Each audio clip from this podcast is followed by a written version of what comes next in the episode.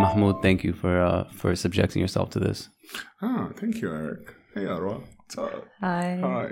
Um, for those who don't know, uh, today with us is Mahmoud Salem, uh, better known as Sand Monkey from his uh, once very uh, notorious in a way blog, No. infamous in a way, but Once. but very popular in any case. Oh, Um, so it's January, so we figured we would torture you with questions uh, going back to. Uh, oh God. 2025.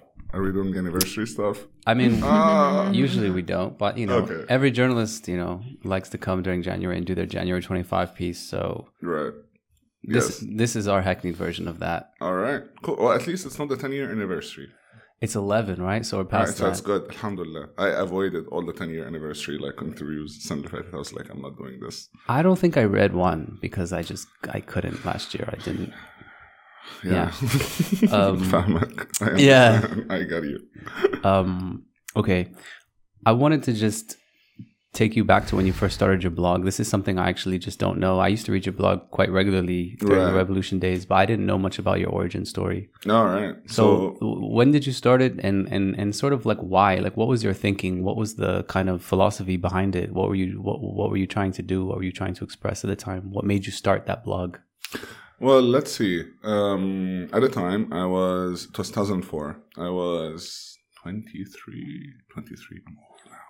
So, um, I just came back from the States. And uh, after spending a good like three years, uh, like four years, five years in the States for like undergrad and grad school, uh, I moved back to Egypt. And, um, you know, they always tell you about like, you know, the culture shock and then the reverse culture shock. So my culture shock going to the States was, mind you, this was back in 1999. Like our internet was dial up. And if you had a strong modem, it was 54 gigabyte, gigabytes per second. Yeah was discovering that there are, you know, uh, poor Jews, for example, because, you know, I grew up on the idea that, like, you know, the Jewish conspiracy and they control the world, la, la, la. So, you know, you go and you discover that they're normal people. Who knew? And then uh, you came back to Egypt, uh, you come back to Egypt, and uh, you have by the reverse culture shock. It, uh, yeah, and it happened to me around, I think, the second month or something. No, actually, um, it was right after I came back. It was like a few weeks after I came back. Um, there was the attack in Taba, basically, which I uh, I was there, but I nearly like escaped before it happened. And You were in Taba during the attack, just on Uh, vacation. we went for a friend's birthday. Yes, Sinai, and uh, basically, and like I left on the day, like I think, and uh, after I came back, uh, I went to work. And I was working at the time. I had worked like for a couple of months with uh, the World Bank, and then at the time I switched to. At the time I was working investment banking. I came back and I was, you know, business boy. Can you pull the mic just a little bit closer? Okay, all right.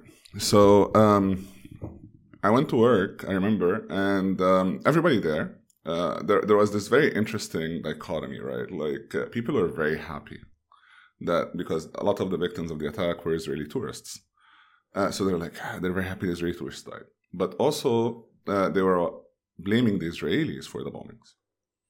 Okay, like it was the Israelis behind it because there's another hotel right next door. It looks like him. And I remember, like, you know, uh, reading the news and seeing this course and uh, noticing that there is no dissent. There's this very conformist, you know, mentality. Like, at the time, that's very, that, that very much was, you know, very offensive to me, I guess. So I started the blog as um, a way of, like, you know, dissent, I guess. But it was also dissent against narrative that was going on in Egypt and dissent was going on in the States. Because I was there during 9 11 and post 9 11, right? And uh, that was a time in which, like, you know, Arabs and like Muslims and people with like Muslim name, like, you know, teamed the other races in terms of like, you know, being racist against. And uh, at the time, I became very um, acquainted with the different derogatory, derogatory terms for like, you know, Arabs.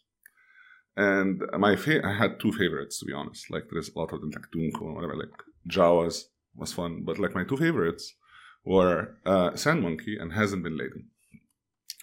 And uh, Sand Monkey specifically was just this very funny, like you know, mental image. You have this like monkey jumping up in the sand and throwing like feces at people and stuff. That's that's where I, my brain went. And it also, so I started writing it and using it as a way of like also making racist people white racist white people uncomfortable because I knew that I would write a number of things that they would agree with, you know, or disagree with, but I always like it was my inner joke, right? And um, I never expected it actually to be successful or anybody to read it. I just wanted, I just at the time, um, I come from that uh, what is now considered a toxic um, mentality of devil's advocating, you know, which at the time it was being contrarian or a voice of dissent. Mm-hmm the whole point was basically to present points of views that maybe would shock you, but would maybe drive discussions regarding specific things. Like was there was there a post that that you wrote that really made the blog take off? Uh, well, it depends. Um, I had no idea. Um, locally, mean or internationally? Either one. Like I mean, you start a blog and you start with zero subscribers, right? No, and then, lo- lo- locally, locally, find... locally, locally, I had no idea. Like locally, it started at Blogspot, and then I moved into a demo- domain two years later. Like you know, by the time I remember, I went to this uh, internet cafe in Mohandesin in 2000, January 2005, I think, or something, and uh, in the browser, someone had my blog, right? And I think at the time, um, I didn't know that at the time I belonged to this generation, the first 30 bloggers, kind of, which includes, you know, people like uh, Ala Al Fattah, Ahmed Nagy, Amra Izzat, like, you know, a whole bunch of people, right? And we were just simply like 30 people, maybe 30 young kids, like having discussions regarding things that nobody else was having. The internet was new, and it was the one space where we could have some sort of discourse right? And um, and there are three kinds of people who started bloggers at the time, right? There are people who were bloggers who stayed bloggers. There are activists who became bloggers, and there are bloggers who became activists. I was not an activist. I became one mm. because of, you know, the things that happened in 2005. But uh, what brought me to international notoriety, I think, was the Danish cartoon crisis mm. in 2006. Um, at the time, um, when it happened, I thought that uh, the boycott was the funniest thing in the world, right? You know, because we are. Uh, it was something out of Monty Python. The, the, yeah. to, for for anyone who like is just too young to know, the boycott of Denmark because of the cartoons depicting the prophet, right? Right, yeah. indeed. There was a newspaper that uh, that uh, was told that you cannot really make cartoons of the Prophet Muhammad, so they started to like you know fight for free speech and do such cartoons, which led to like all kinds of like later like four months later into some sort of manufactured crisis that happened by the state by the different arab states and muslim states. And um, i remember at the time it was me and Roba al-Assi who's a blogger from jordan and we decided we're gonna like you know make fun of it and create the boycott the boycott campaign. Uh, but it was like tongue-in-cheek like uh, i think our email was support danish cows you know because the boycott was all like you're watching insanity people are like you know burning you know, um, cheese and um, butter, you know, like so many, so so many fun fun stories at the time, right? And but it was something out of Monty Python. You know what I'm saying? It was like, uh, oh, you have insulted our prophet in drawing, so we will now burn your cheese in effigy. You know, like it was it was that mentality. And um, but what made it, what made it, like at the time, like I was just watching this insanity and making fun of it. But one day I'm sitting, uh, I had this La-Z-Boy, it had a whole bunch of newspapers next to it, right? And at the time, like it was the start of um, opposition newspaper, things like the Dastur and Al Fajr, whatever. And here I am, I'm looking at something, and I found this newspaper of Al Fajr, right? It was during Ramadan. And Adel Hamoud was the editor in chief. And El Fajr had actually published the cartoons in the newspaper at the time during Ramadan four months before the crisis started. And you know what was the reaction of the people? No Nothing. Cared. Yeah. No one cared. And the truth was, at the time, there was a whole bunch of misinformation regarding people were getting emails, having like different cartoons that were not the cartoons and stuff like that. So the idea that such cartoons were actually published in an because that was the argument, right? This would never be acceptable. We would never like ah. It was actually published. It was there, you know. And it went insane. It just went insanely viral at the time. And uh, yeah, and that's the thing that just made me famous and known, I guess. And then Twitter happened a year later, which, mind you, um, we started having Twitter accounts when it was all based on SMSs, mainly so that, like, when some one of us gets arrested, would Mm. actually find out. But hold on, back when you were blogging in the in the 2000s, you were, uh, I believe, if I'm not cor- incorrect, anonymous, right? You were using the was. pseudonym, but no one, like, I mean, your friends obviously knew who you were, but for the most part, the public didn't know who you were, Yes. Uh, there was a specific reason for this. which is Uh, okay. So I came from uh, what is referred to post revolution as Filul slash Kanaba family, right? So, uh, and that meant that my mom was NDP since uh, really, really young. And in reality, a lot of my opposition against the NDP was a reaction to, To what family? I, I consider, no, not near family, but like but on some well, subconscious yeah. level, No, it would no, be, no, right? no, no, no, no, no. Yes, no. Listen. So, what I discovered later was that um, I always my hatred for my hatred for the Mubarak regime came from this idea of stupid authority, which apparently was very much connected also to the way my mother handled things. weirdly, therapy later on. How did your Yeah. mom handle things? Uh, well, basically, um, she went into a system that taught her that there is no such thing as right and wrong.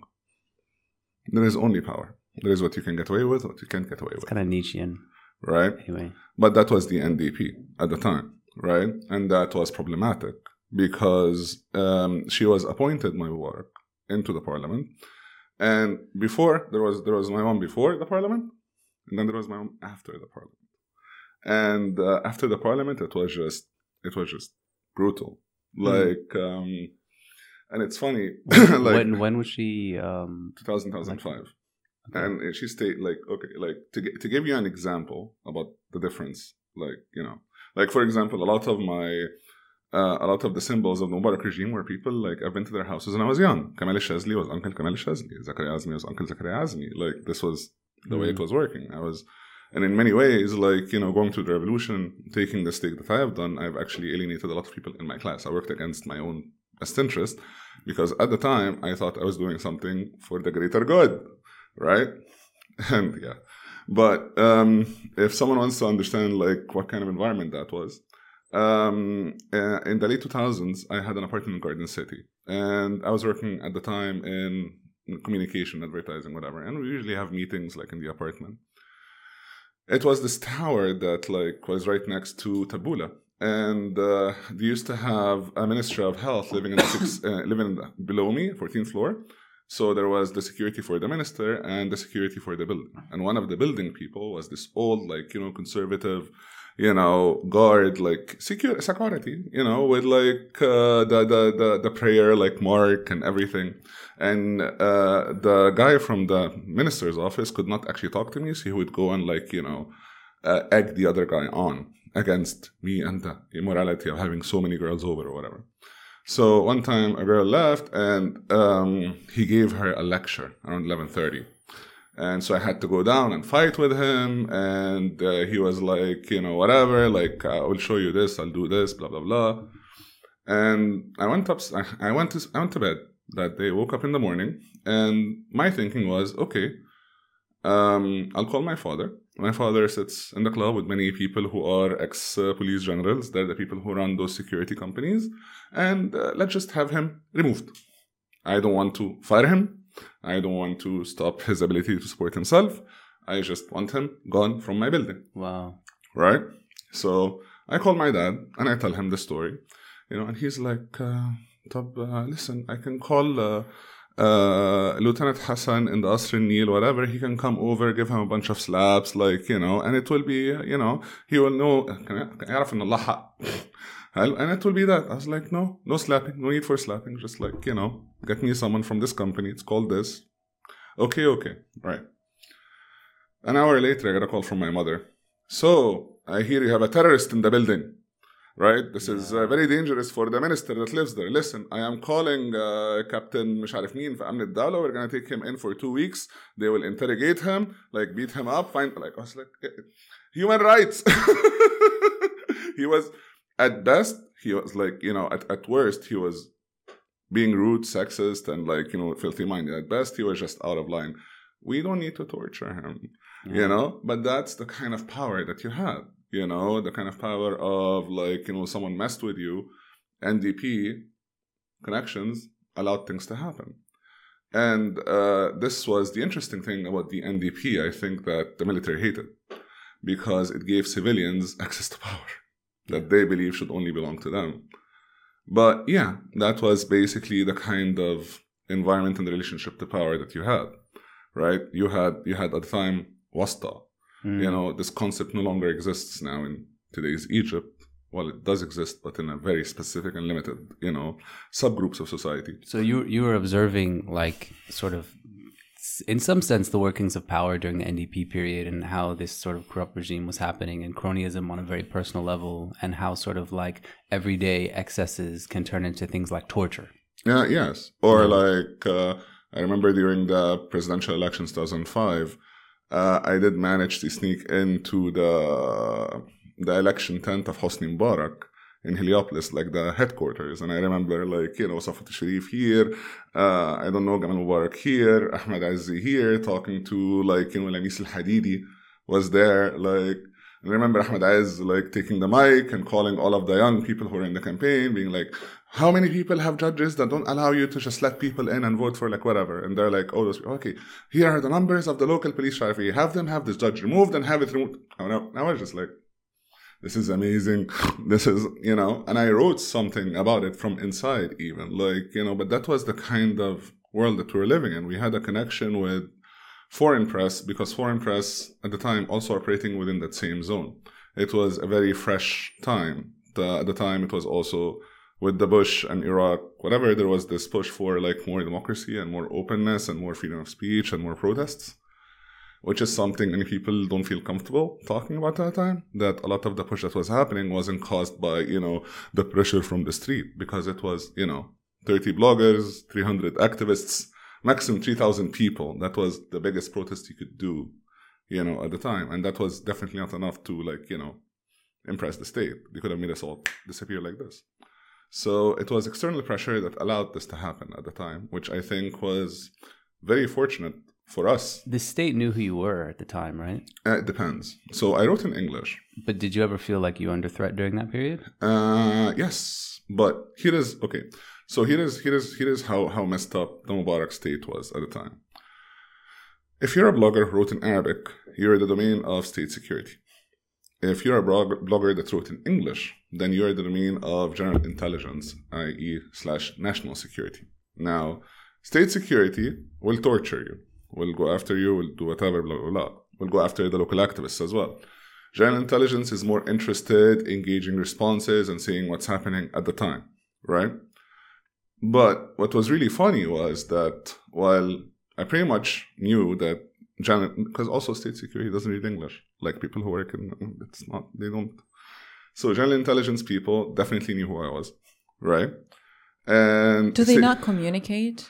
I once was called in in 2009. As I'll tell you later. But no, they don't communicate. That's that's I, crazy. It's not because okay, so in 1995, so it's national security, i.e., the military apparatus, um, also with some people doing intelligence, they controlled Egypt from 52 till 95 nonstop.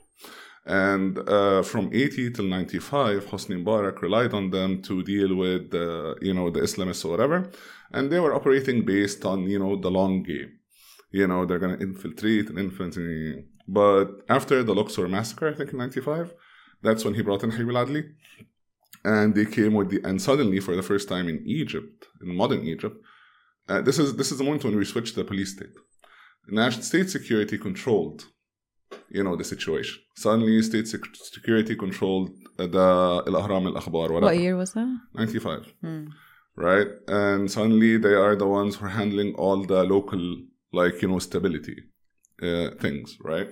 And that has led to a struggle, right? And that struggle led to national security people to slowly support or like covertly support certain elements within the opposition or the opposition newspapers and or even independent ones you know, and it would be hard to miss, but like you would see it. Like, um, for example, I think it was around 2008, there was this arrest for this guy that they claimed was this uh, Egyptian engineer who was recruited by Israel in order to destroy the High Dam, right?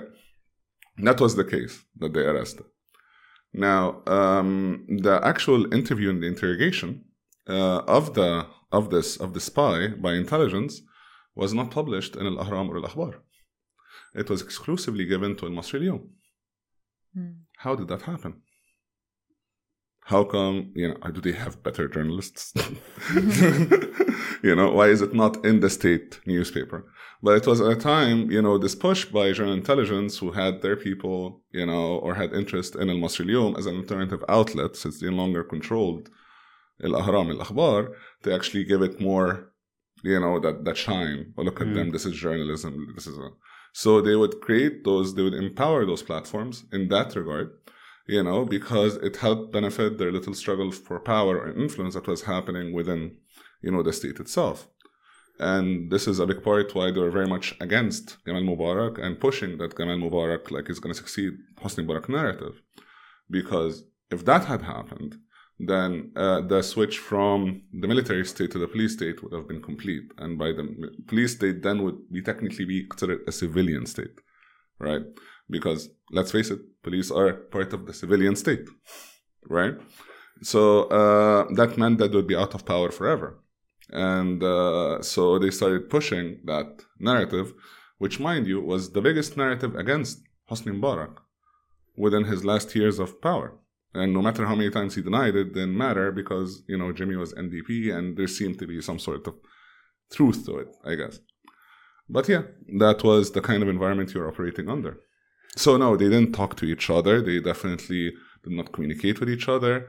They enjoyed like each each one was an island of power, and that also reflected itself within the parliament, within NDP, even within the ministers. Mm. You know, in the cabinet, there was always the ministers that were aligned with the military, and the ministers that were aligned with uh, Gamal Mubarak, and then there are a bunch of technocrats trying to survive, you know, in the middle and that was basically the kind of environment that you were dealing with. Hmm. As an aside, how pissed off was your family when they saw your blog blow up, given their uh, their positions and their they didn't know, dude. When, But when did you reveal yourself and why? Why why did you decide to finally? it was after the Saura. So basically, Oh wow, you didn't you didn't reveal your identity until after, After January the revolution. Even Oh, your wow. family didn't know. yeah, I never Wow. told them. Oh, I see. basically, mainly because, um, well, that's the thing. I wanted to do two things. Number one, uh, my mother was still my mother. I didn't want her to be used. Uh, I don't want whatever I do to be used to attack her. I also did not want any association with her. And I also did not want any headache from her regarding what I wrote or I didn't write. You know, anybody who had Facebook, like in the last 10 years, knows exactly what I'm talking about. You know, family members, like, what are you doing? Yeah. So uh, this lasted up until, as I said, till the revolution. And um, it was the day after the Camel incident when I went with I think it was Maram Mazen, like a whole bunch of people to with the car to bring supplies to the people affected by the camel, you know, incident. Yeah. And uh, everybody, I remember Nawar Enigma and told me go this side, this side from Groppi, it's safe. It was a trap, it was an ambush. We almost didn't manage to, like, we tried to escape. The police stopped us. They decided, when they found that we were getting supplies for those people, they started egging the people against us to attack us in the car and that we're American Asians, blah, blah, blah. And they basically lynch mobbed us for a good like two hours. Like um, my car was destroyed, everybody was beaten up. They were bringing, they were throwing gasoline on the car. Like it was, it was, they were gonna kill us basically. Hmm. And um, one, the first thing they did was take a lot of our phones from the car, and uh, they started. One of them, the idiot, he started answering people. So that's how they knew I was in trouble. And when they started, when my family started looking for me, uh, they uh, they asked the police around the area because someone had a connection, whatever, and they were told that basically the only people that were having issues were those five Palestinians in a car with weapons that they like killed. Apparently, like they told them that there were five Palestinians that, that we were five Palestinian terrorists that, and they killed us already, right? And uh, that's when the police officer figured out that probably this wasn't true. So he came and managed to extract us all from the car, and the car got destroyed.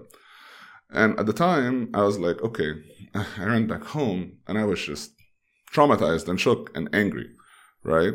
Because in reality, I wasn't. They're the ones. That, actually, at the time, it was Shafiq who said on television, "Just go bring medical supplies to the people and help them out." Right. Wow. At the time, that was the thing. So I was just like, okay, I cannot call for accountability while remaining anonymous. And uh, that was the moment in which I, and because of very weird sequence of events, that day, the day right after Camel incident, everybody got attacked. Right? Everybody, everybody, everywhere was getting attacked. People were getting arrested. Hisham Mubarak was getting, you know. I remember a friend of mine called and told them that I was being arrested, and the person who answered on the other side was like, "We are being arrested too." Like you know, it was that kind of situation. So, but I was the first person reported. So suddenly that made me very, very famous. Suddenly CNN was running news about like sand monkeys being arrested.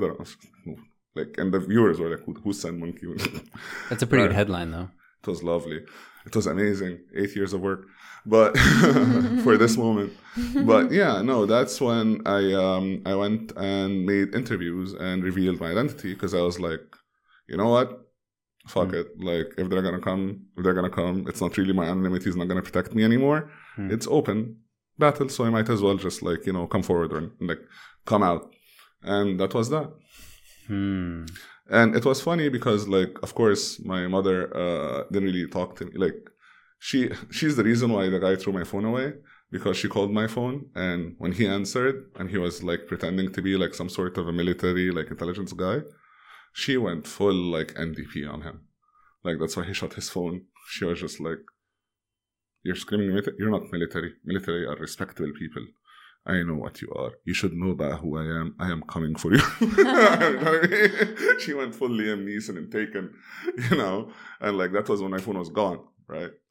and after but like yeah that was after that it was just a matter of you know um, it was funny because when i met her afterwards and we talked about it uh, she was like who says i was ndp i was not really ndp and, and to be also fair they had like you know also she was being sidelined in the final years you know but she was there from like 85 man like you know she was there throughout it it has definitely helped her. It has definitely impacted her career. It has allowed her to do horrific things to enemies, you know, and that's the legacy you like, you know, grew up with. If you're coming from a Falul family, right?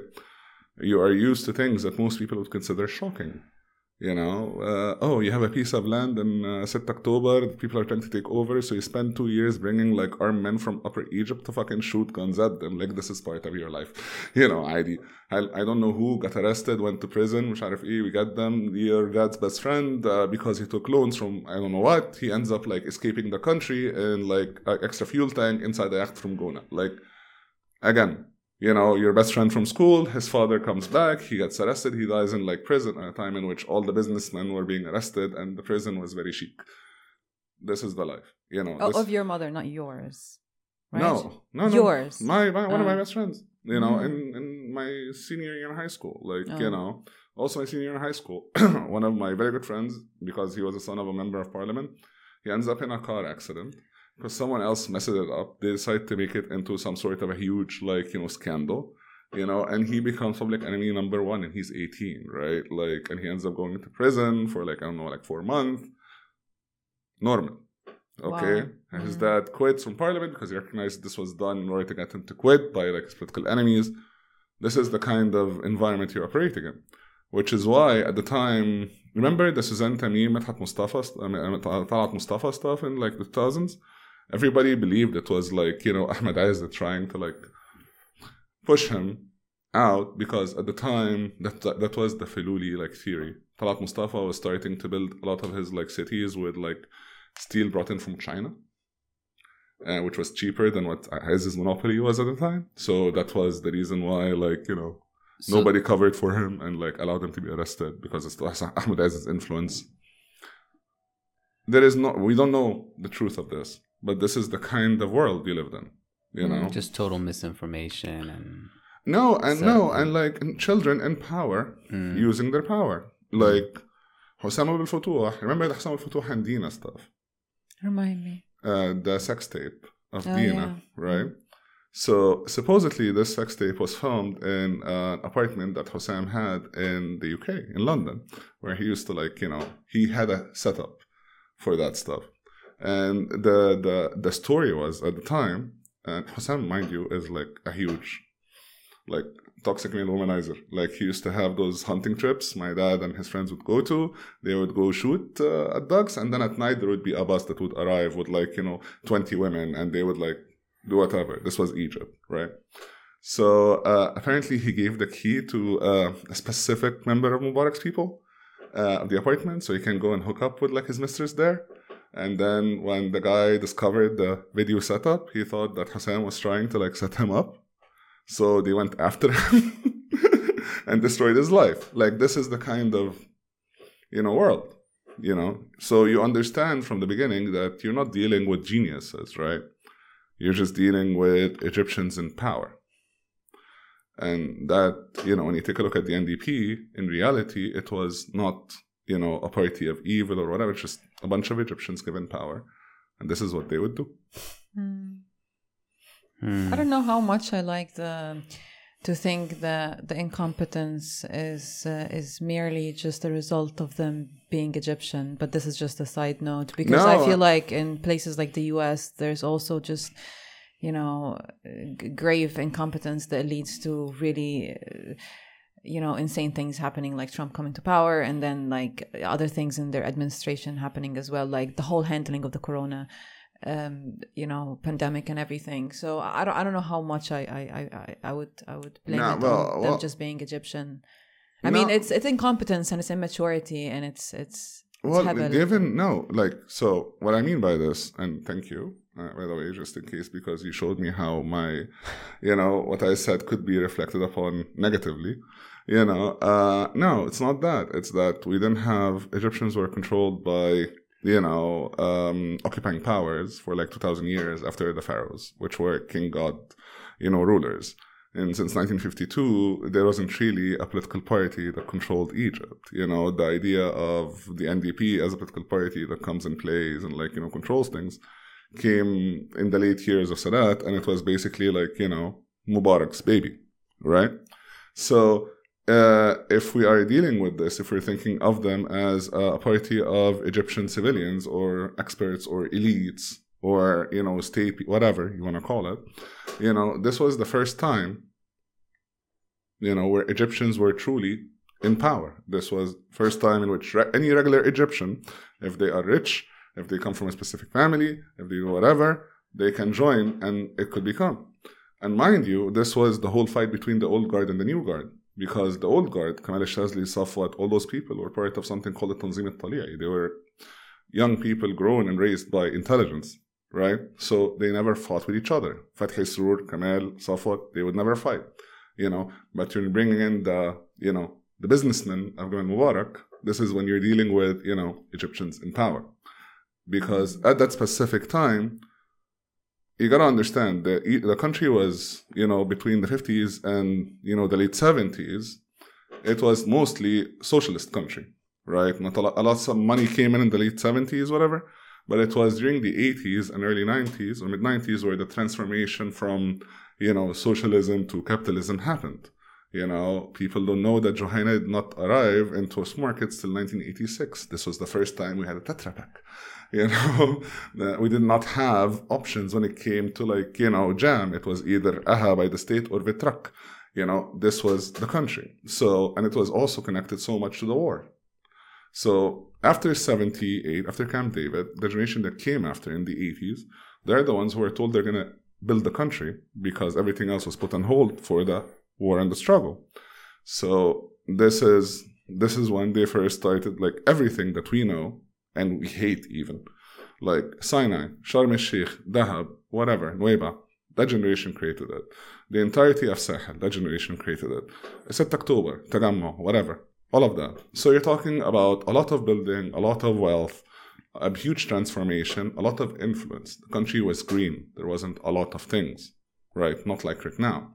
So this was the first time when you take a look at it, you're thinking, okay, is this is the problem, you know, is there a bigger problem or is it just a bunch of people who never had power, who never had wealth, right? Who are always put on historically, put on.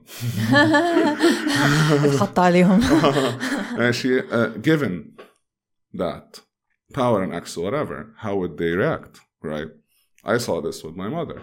I saw this with parents of other people I've known. You know, it's not that they're started as bad people. Okay, You I, know- I, I get you your know what point. I'm You're saying saying? that they they just they didn't have any It- and- and- any practice. It's not Uh, incompetence. so It's they trauma. just kind of- yeah, it's trauma. It's it's like Israel. You know, like you Mm. know, you're Jewish. You come, you get oppressed by a military ethno state. So what do you do? You go and create a military ethno state. طب maybe you are traumatized. Uh, روح بيتكم. يعني you know what I'm saying? Like it's that. I get so it, yes. so it's it's always I always see it as a reflection of this. Right? I always see it as, you know, it was just a group of Egyptians. They got brought in and they were given power. How would they have reacted? Is it are they incompetent because they're Egyptians? Or were, you know, or is incompetence something universal? Uh, you know, Mm-mm. is that kind of infighting normal or abnormal? Like, you know, Interesting. Hmm. When when no not when. Why did you stop writing? Huh. okay, so um, I stopped writing. I think so. I used to have this. Um, I think around 2014, late 2014. Uh, I used to write this article in the Daily News Egypt, and I used to have this blog, and I used to like you know still write and like whatever as if everything was fine. But the truth of the matter is, and this is something that um, I registered in my brain sometimes in 2013, yet somehow I did not allow it to affect my writing. It was um, Rabaa. Right? So when Rabaa happened, when Rabaa massacre happened, when, you know, we managed to kill a thousand people in, on television and no one even Can you just for for whoever doesn't know, can you explain who exactly? Because you just said we managed. No, no, no. we didn't kill anybody. no, no, no, no, no. I'm not talking about we. I'm talking about like okay, we didn't kill anyone, but like you know, in the country, you know, in the, in the current the current regime, the post the post uh, the post coup, post revolution, post June 30th, you know, situation. Um, the brother, the Muslim Brotherhood had this huge protest in uh, you know in Mayt Nasr in Rabaa Square that lasted for a month. They were antagonizing everyone. And then the, the state went and crushed them one day. And the state claims the number is this low, the other people claim the number is much higher, but everybody seems to agree it's around a thousand people. And uh, um, the reality was it was also videotaped. You know, it was broadcasted all over the world, right? And uh, and this was this was this was super interesting, right? Uh, horrific, yes, but was super interesting in the sense of when you take a look at Tiana- Tiananmen Square for China, you know, and like what happened there, and you compare it to what happened in Rabaa, Rabaa was worse, right? And somehow, you know, internationally, people eventually, uh, maybe because it was a year of brutality, I think a week later, Syria gassed 2,000 people, you know, so I think it was around the same time in which, you know, within the last decade in which people accepted that we are in hell and like everything is horrible, خلاص, like, you know, and what are we going to do? And domestically, we've had shows like Ikhtiar, which um, which sort of give uh, a Revisionist different- history, uh, There's yes. a lot of revisionist history that's happened since then. Popular culture here. Right. No, absolutely. I also feel very bad for Peter Mimi because he's a Christian and he is being told, you know, you have to direct this show about like killing Islamists. And I'm just thinking, poor guy, this poor dude, he has to hide the rest of his life. But um, when this happens, when like you know, when, like if you're thinking before that like they cannot really like attack us at protests or whatever, you know, when you compare the Camel incident you know, with Rabaa. When you compare Jan 25 with Rabaa, when you compare the international reaction and whatever, and the, to this, the moment this happens, the moment the state goes and does this, it's the game has changed. No long, all the rules no longer apply, right? And that was a time in which I told a lot of my friends, like, you know, don't go to protests because, you know, around this time they're gonna start, like, you know, doing whatever. Uh, but I continued writing. I continued doing my thing, continued writing, and then I started noticing nobody else is writing. Mm. Everybody had stopped writing, you know, and uh, people are looking at me as if I'm like the bravest person in the world, and I was just like oblivious. I was like, everybody else stopped writing? Like what? Hmm. Okay. So, um, and at the time, I was starting like a company and a business and whatever, and I had, I think around that same time, I had decided that maybe it's better to just focus, you know, on like, you know, uh, the future, you know, because uh, it's not going to be, uh, you're not going to be working in politics. There's not going to be elections. Game is over, right? So you're like, okay, you know what? I'm gonna be here for next two years. I'm traveling afterwards, so I'm gonna just stop writing for those next two years. And there would be a sporadic change every now and then, but in reality, the main reason why I stopped writing was because I started getting bored. Because it was starting to read like, you know, like my week, my weekly column was just basically, oh, here is a series of unfortunate events. Mm. You know, and it wasn't just locally. It wasn't like you could like hate on what's happening locally so you can talk about something international, geopolitical, whatever. No, no. It was a series of unfortunate events everywhere. You know? And you start also wondering what is the point, right? Like, you know, what are you doing? What what do you want? You know, what do you want with this? What kind of effect do you want with this? What kind of influence you want with this? Do you write this for you? You write this for others? you know is it a job you know now that i think about it i think that was probably um, around when i stopped wanting to be a journalist as well makes sense because i because, because you know from from 20 2011 until 2014 i was still excited and there were all these things happening and and until then until i think Rabaa you still felt like there was a little bit of hope right for for anything good and then something switched in our consciousness where i think we collectively you know, um, uh, you know, a little before you, and then you joined us, where you know, collectively just thought, this is it. Well, you we're, know, we're traumatized. We're done. We're not gonna. we're not gonna try anymore. You know, I mean, no one wants to be, you know, shot in the street. So it, it, it, makes sense. Like, you can't. Can you blame anybody? No, no, you can't blame anyone. But also, like, you know, I think at the time Okay, so um, the other day, uh, like I think three years ago, I wrote this post regarding uh, there was this video uh, about this guy who the Egyptian Incredible Hulk. Have you seen this video? This guy who like painted himself green and went up and started like you know going crazy on people and like attacking them, and then they shot him and killed him, right? And um, all the Egyptians who were watching it were like like joking or what the fuck or whatever and you know all my american friends or like people who are like i'm friends with on facebook they were just horrified you know like someone just died you know? And that's when i asked them i was like just question how many times have you guys seen a dead body? Right? And uh, when it comes from the foreigner side of things you know you're dealing with maybe once or twice or maybe it was a relative or maybe it was whatever you know, when you ask the Egyptians regarding this, the question immediately they're like, okay, separate from car accidents or with car yeah, accidents? Yeah. You know, mm. are we dealing with this or that? And uh, during the revolution, uh, like, and, and that's when it dawned on me, like most people, like most foreigners, most white people, I guess, um, if they go through an incident, a horrifying incident, a dangerous incident, you know, in any country, whatever, this could be the one time in their lives in which they were putting in a dangerous situation and they saw, you know, death or whatever or danger. You know, in comparison, you know, in 2011, 2012, 2013, we used to have three or four of those things a week. Yeah. Right? And you normalized it. This was life right? This was normal. And then suddenly you're reminded by other normal people, actual normal people, that no, no, no, you're not supposed to see this made dead bodies. You're not supposed to carry like, you know, 14 year old boys like shot in fucking buckshot for like three years straight during clashes. Not supposed to do those things. These are not normal things. And I think just Rabaa drove it home. You know, and I don't think it was just only Rabaa. I think it was Rabaa and then ISIS. Mm-hmm. Right? Because that's when, you know, it was open season in brutality. Right? That's when you're watching people getting burned or like whatever. And like, you know, people are starting to get arrested, thrown in prison. Like suddenly you're having news about people getting like executed, like uh, um, execution orders for like children and like stuff like that. You know, and I think around this time, people like it was just. I think all of us just kind of luck, like fell. Like I don't think I think we just froze. I don't think our, our brains were able to process anymore. Mm.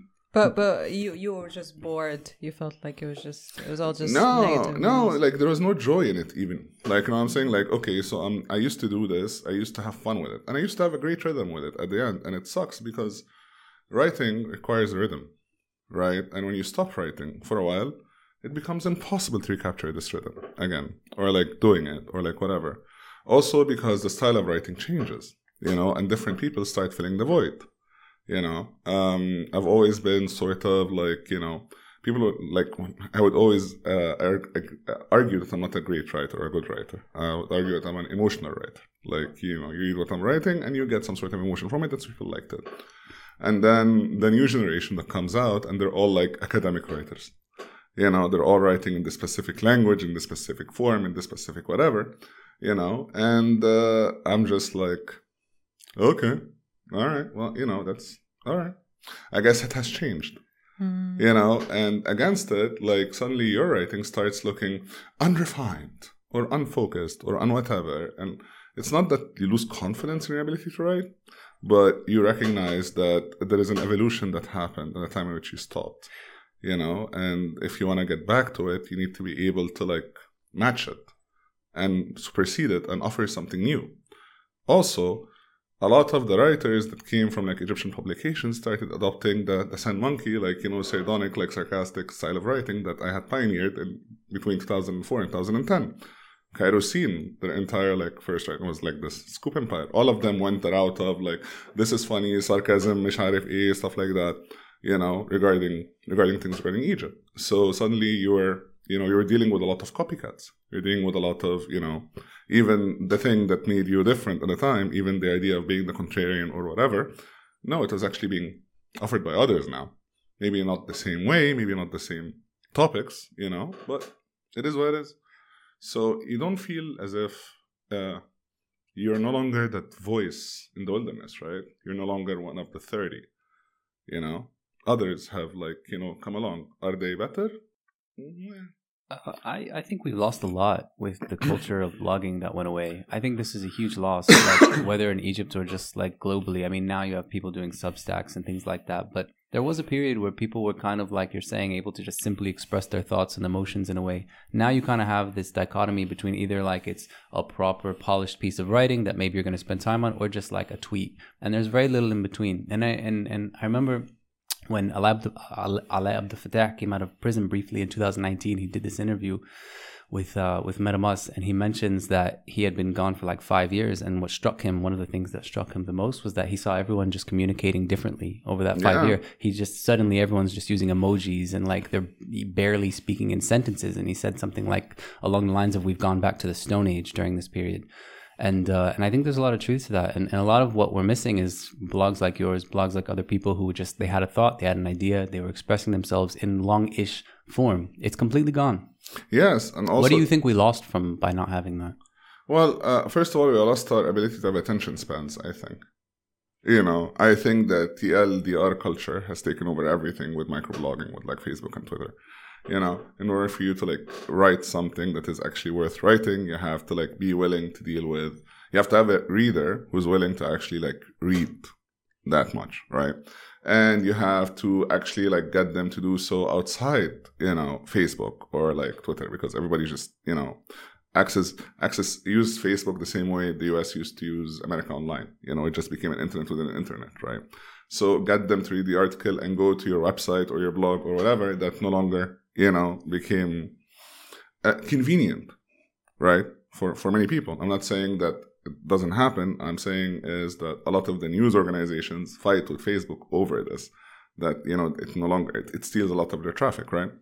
But also, um, I think the audience has changed, right?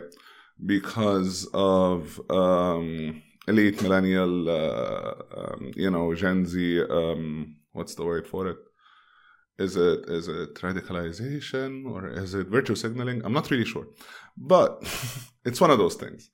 Uh, in the thousands, like you are dealing with a lot of people who wanted to censor you, you know, and most of those people came from the right, right? And that was the situation. People who did not like your fight regarding free speech, blah blah blah, all of that stuff that came against a lot of people on the right of you, and. Um, I like the, the, Iraq War was a good example of this thing. Dixie Chicks got canceled for like not being supportive enough in the United States, and then that changed somehow in the you know in the mid to like late 2010s to the other side. It became more on the left side, and there was this bigger drive towards more sensitivity right and whatever and uh, uh, um, that you need suddenly suddenly your words were no longer words suddenly they were harmful right? Your words are harmful to the feelings or whatever. It pushes ideas that are connected with very big words, such as like, you know, misogyny or like race or inherent race, whatever.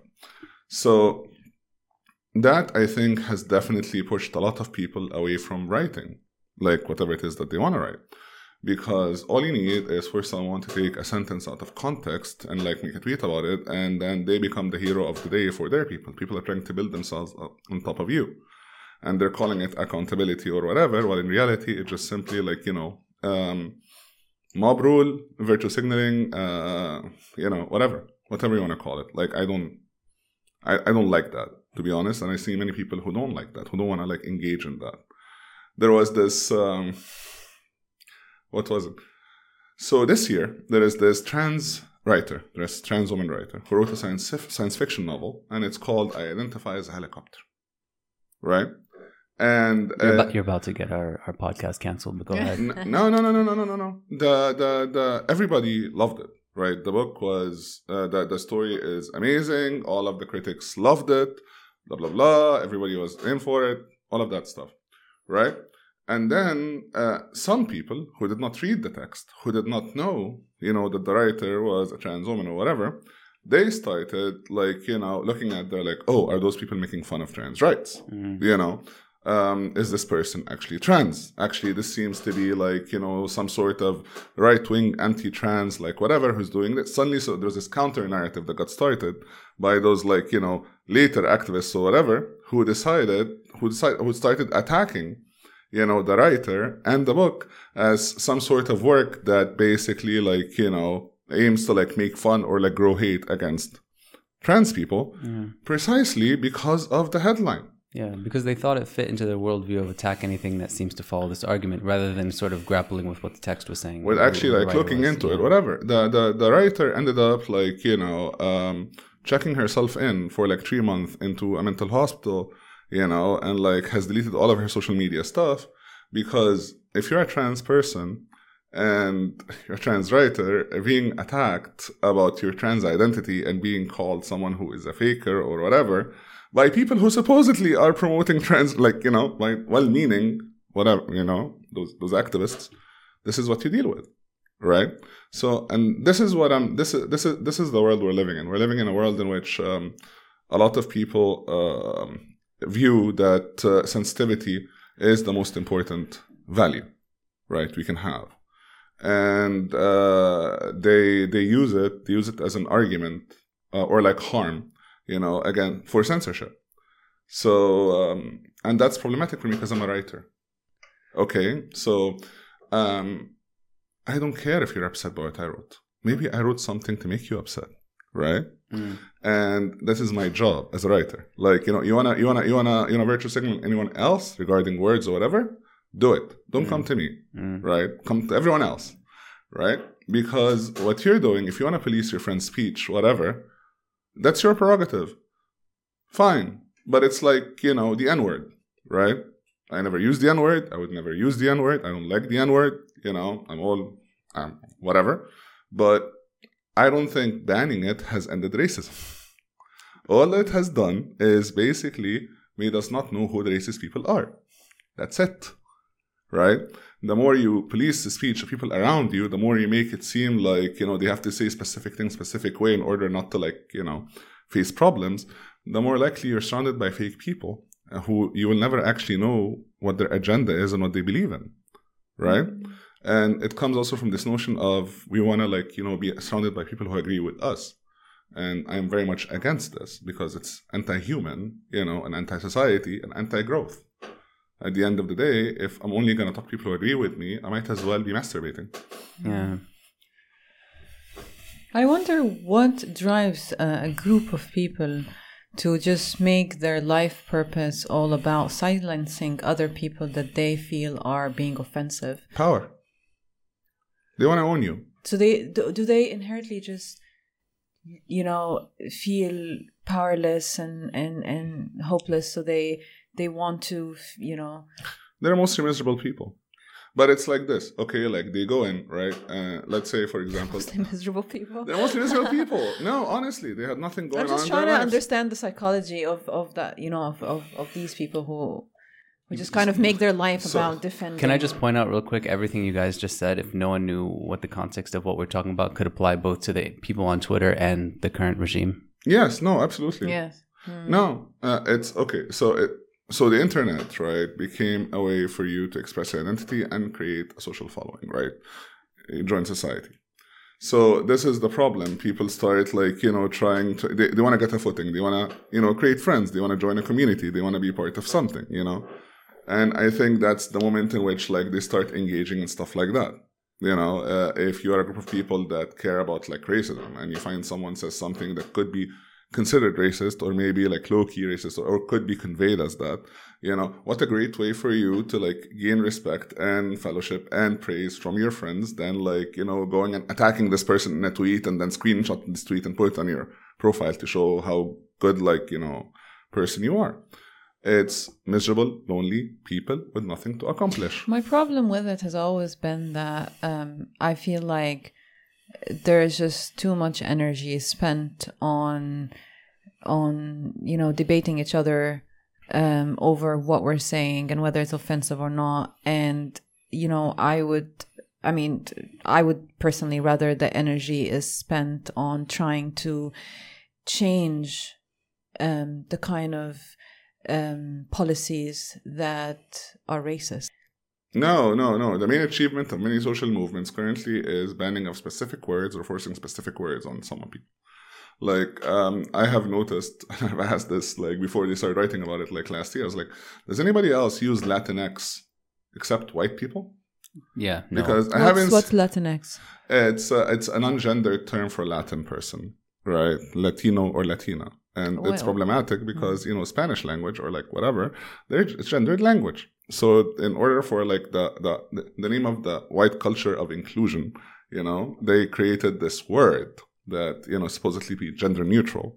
So not like oh, everybody who's non-binary or like you know whatever, fine, right? But do the people adopt it or is it something that you as a white person living in la is forcing on the brown people to like enforce your culture right this becomes the question right? Like it's like um, watching a meme regarding so, someone like in egypt trying to do a meme uh, i think it was lgbtq sarcasm uh, instagram account which i love by the way.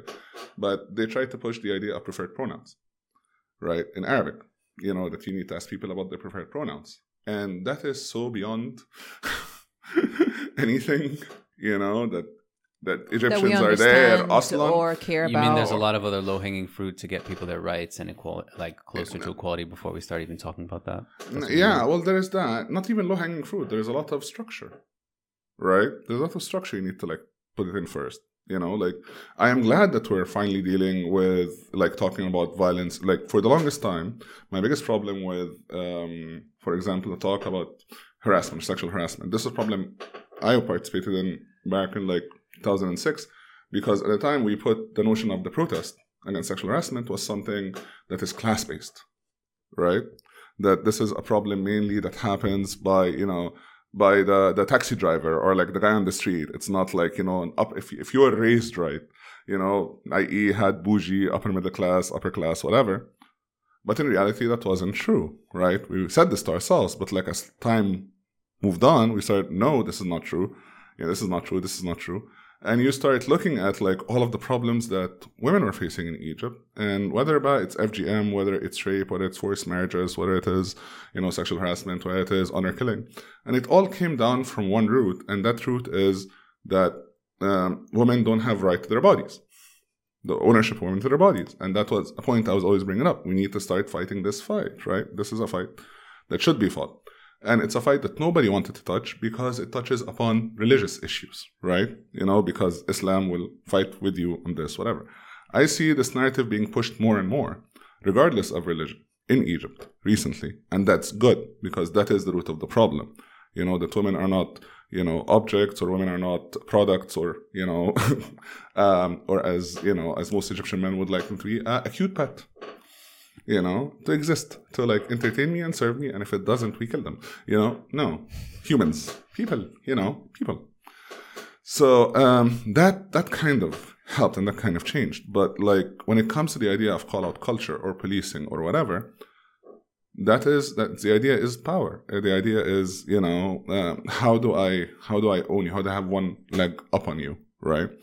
And I don't personally understand it.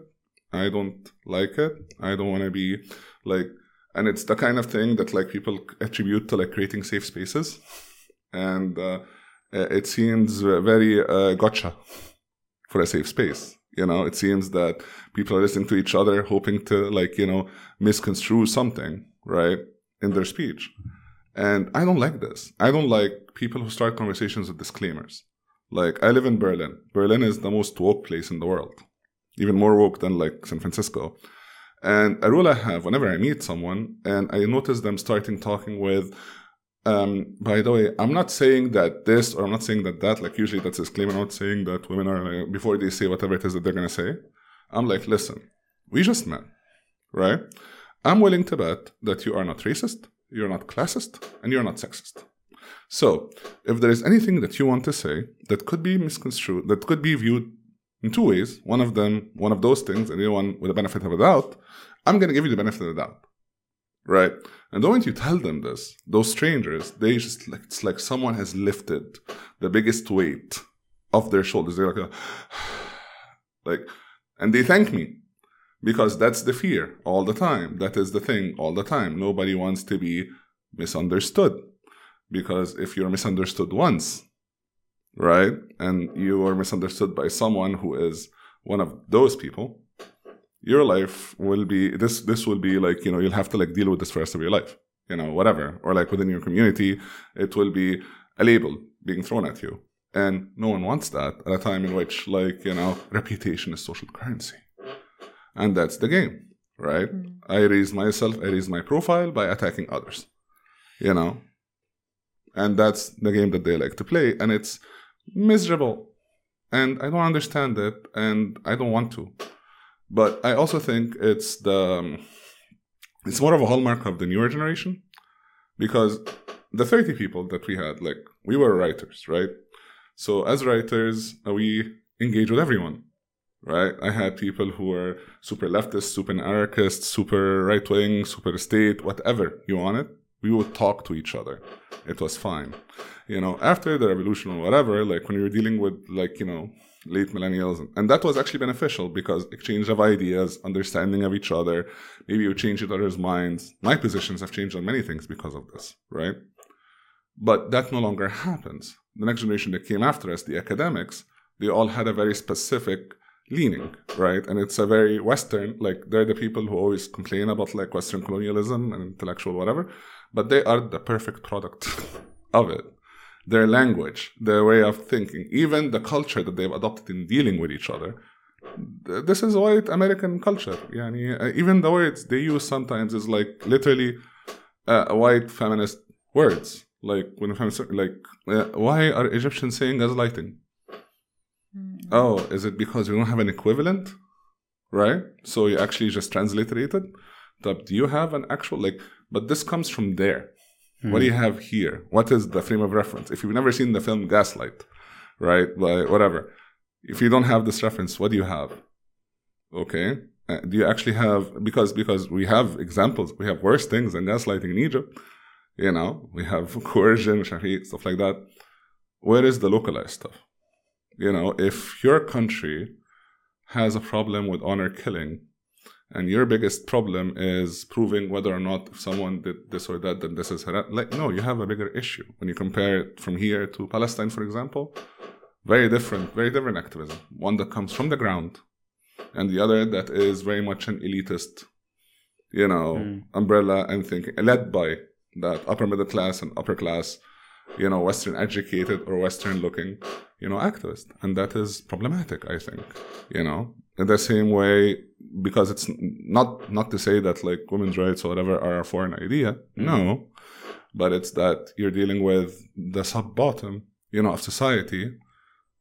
Actually, you're ignoring it. You're ignoring the supreme majority of women. You're ignoring the supreme majority of problems that they're facing, you know, in exchange for, you know, feeling comfortable and satisfied you know that whatever the two words you learned from the west you're being used Yeah. now Yeah.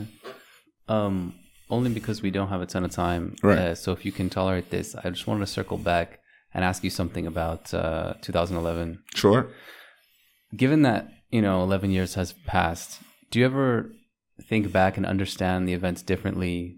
Does the context ever seem different? Is there a lesson? Is there something that that people wouldn't really even know unless they were there in your shoes at the time? Given that you've had this time to reflect. Well, uh, uh there was a lot of things that happened then that I thought other people needed to know, and very few did. Right. Uh, but that was because of the specific positioning I took within the revolution. You know, because uh, at the beginning I had a very loose affiliation, but at a specific point I started noticing that a lot of the decisions that we're dealing with were happening behind closed doors, which is the reason why I went and joined the FEP, you know, uh, the, the Free Egyptians Party at the time for like a year or two, because I needed access, right? I also, uh, it, not just in terms of power, but also in terms of the country. I don't think the supreme majority of people who joined the revolution actually still understand Egypt or been throughout Egypt or know how most people all over Egypt live or how they operate, you know, or who holds power on the street. You know, you're dealing with a lot of like leftist activists who their idea of the street, you know, moving the street is that when the street moves, we go ahead and lead it. While in reality, moving the street means that you know the street, you've been working with the street, people in the street, they know you, they trust you. So when you actually move, they move with you, you know? And this is why, for example, in specific areas, you know, you'll find people who wield enormous social power and influence and everybody who lives in this area without spending money, without doing anything, but just because for the last 10 years, 5 years, 15 years, they have actually been helping out. They're a lawyer who helps people out. They're a doctor who checks Shafi. They're like, you know, an activist who helps with this, with that.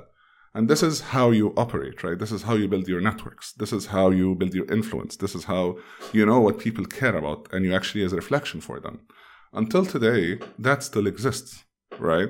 You know, this disconnect between what we want as supposedly elites, intellectual elites, and what actually the people want, you know, and what they care about. Uh, and that continues till today. Like, I don't think they understood how much, and I, and I also think that a lot of them don't understand how infiltrated most political organizations are. I don't think they understand uh, how misinformation works. I don't think they understand media manipulation. I don't think they understand how uh, it is easy. Like, I don't think there are many things that we have seen during the first three years that somehow they have, they have learned. But they also are very much against learning it. There has never been an attempt to like bring in, I don't know, like Sitte April and bring in like the movement and bring in I don't know the people from like revolutionary socialists and like sit everybody down and being like okay tell us what you have learned in this tell us what you have learned from that why do you do this blah blah blah without judgment. Gain some knowledge. There hasn't been institutional knowledge. There hasn't been a transfer of there hasn't been any learning. There hasn't been anything right if you go back to 2011 mm. Mubarak steps down right what did you think was going to happen I had no idea what was going to happen. I remember 2000, uh, I think on the 10th, I didn't think he was going to step down. And I think that at the time I thought like I went I went to the palace the next day because it was just like okay you know what if they're gonna come and crush us let them crush us I didn't think it was actually happening. You gotta understand for most of us Jan 25 the whole plan was not to bring Mubarak down. We actually went down demanding accountability against Habib Adli, you know, who is still alive and kicking and free. Weirdly enough, never punished. But yeah, uh, so I was, uh, everybody else went to Tahrir, I was in Heliopolis because this is where my house is. This is where the president's house is. Like, it's, it's a Heliopolis thing. It's kicking out of my neighborhood. And when he stepped down, like, we partied in Heliopolis. We took yeah. over, like, Starbucks at Korba. We brought in boxes of, like, uh, beer and wine and champagne. People were, like, invited people to come and, like, celebrate with us. It was a great time. You felt as if, okay, um, what you knew, you were no longer under threat, right? you are not going to get revenged against. I think that was the relief, right? But also, it was a very um, um, stupid understanding of the reality, right? Because even for someone like me who was in it, all I saw was the NDP. Nobody saw that it was actually just the face of something bigger and stronger and that exists, right? And I remember at the time I had this conversation with like, you know, one of the great uh, thinkers and writers, older generation. And I was like, isn't this 52? Are we not dealing with 52 again? He's like, no, uh, the world is changing. If uh, all your neighbors are going to start uh, dressing their kids in pants, you're not going to keep wearing them, like getting them to wear like galabeya or like some stuff like that. I didn't buy it at that time, but I was like, fine, you know. And uh, the more you read about 52, the more you read about stuff like that, you recognize that, oh my God, they're doing the same thing and you try to like tell people or warn people or whatever. Same thing in terms of military council taking. Uh, yeah, yeah, yeah, yeah, yeah. Appearing as a neutral part, playing with everyone, getting them all to fight each other. That's how it works, right? And this is how you rule: divide and conquer, right? And it takes a very specific. Um, I don't know what to call it, compartmentalization to or like I don't know delusion to ignore reality. Like it's um, it's it's like it's like watching it's like, when the Fairmont case was happening, right? Uh, the same friends who like for two or three years would rail against you know public prosecutor for being like you know not really uh, uh, uh full of bullshit like you know legal cases not really investigating no evidence like prisoning people based on non-crimes like stuff like that you know were the same people who believed that they were actually going to investigate the Fairmont case and do this and do that and whatever. And you would watch like the post right before they're talking about like what Mahinur, for example, at the time who was arrested, is going through and you know going to jail again or facing another bullshit charge, you know. But at the same time, like in one. And then in the other post, they're like, we need to wait for what Niab is going to say about this. And they're like, you know, investigations. Time out. What? What? what? How? Right? and it's this weird place that comes from helplessness right like you know what are you going to do right are you going to ignore the state you need you need you need a state you know and it becomes easier to ignore you know everything that you know about the state out of hope that maybe in this maybe one this thing time. maybe this time maybe this time but it's the same state and if the state you know that has crushed you for years is willing to give you something now for no reason right it hasn't changed it just manipulates you better. Like it's, it's just an act of manipulation, you know. And if you start believing it now, then I, I don't know what. To, like, are you just traumatized? Is that Stockholm syndrome or is that Cairo syndrome? What do we call it? You know, I have no word for it. You know, but you're dealing with this, and it be- because you're facing the problem of what are we supposed to do, right? It's like whenever someone gets arrested, right? You know, uh, if they become famous, if you if you start a campaign to get them famous, you're dealing with a situation which they can actually not get them out specifically because they became famous and it could become something that they can use to crush you right? Or crush them because you're emotionally invested they want to crush your spirit. Or so do you not do a campaign for them not get them famous? Well like if you don't get them famous they might just end up in prison for the next five years and nobody will care. What is the solution right nobody's having this conversation right nobody knows i, I don't have a solution it, it really confuses me. You know, I'm glad that everybody I'm close friends with is out of prison. I'm glad. I'm happy about this. But I honestly don't know in these days and age if that happens what you're supposed to do. Right? And it's one of those things when you're not dealing with uh, a state that is both uh, that isn't that isn't neutral, right? That doesn't play by the rules it promotes. And people go through willful ignorance, people go through self delusion to do stuff like that because otherwise they're going to have to face their helplessness head on. And this is not a great place for people to be mentally. It's not good for their mental health. Right? And this is what you're dealing with all the time. You know, you, you keep wondering, are you did everybody lose their mind? Did people like just become dumber? Or is it just simply, you know, this is the world, this is what I want to do, I'm gonna ignore everything else because this is what I need to be done. You know, this is what I care about. And yeah, it's that. It's that there is still no no no understanding of this. Or even if there is, there is and let's ignore it. Let's suspend our disbelief.